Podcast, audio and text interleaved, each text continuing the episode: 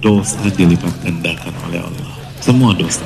Gak sholat dilipat gandakan di bulan ini. Durhaka dilipat gandakan. Kebentak suami dilipat gandakan. Dosa nggak pernah kajian, beda dosanya. Kan talabul ilmi faridatun ala kulli muslim. Menuntut ilmu itu wajib bagi seorang muslim. Makanya Allah mengatakan apa? Di Al-Taubah ayat 36 ini. Maka janganlah kalian mendolimi diri-diri kalian di empat bulan haram ini. Itu kata Allah. Setiap maksiat yang kita lakukan sejatinya mendolimi diri kita sendiri. Karena gara-gara maksiat kita kena musibah. Masih ingat surat Asyura ayat 30? Apa pun yang menimpa kalian itu salah satu andil dosa kalian.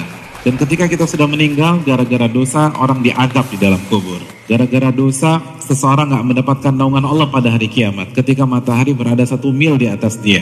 Gara-gara dosa dia dimasukkan ke dalam api neraka. Makanya kan Allah kata apa?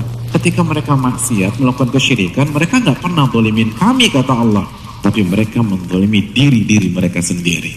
Janganlah kalian melakukan dosa di empat bulan ini, kata Allah. Berarti di Syaban boleh dong Pak Ustaz. Robil awal, Robil Thani juga boleh. Hadirin, ini bahasa penekanan, bukan pengkhususan. Analoginya gini, antum punya perusahaan. Besok perusahaan antum akan didatangi oleh Menteri Tenaga Kerja. Maka hari ini antum akan kumpulkan pegawai-pegawai antum. Lalu antum akan briefing besok jangan ada yang datang terlambat.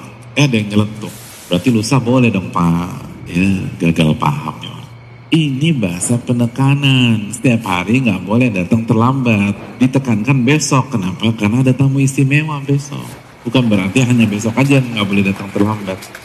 Allah berfirman, jangan melakukan dosa di empat bulan ini. Kenapa? Karena dosa dilipat gandakan oleh Allah Subhanahu wa Ta'ala.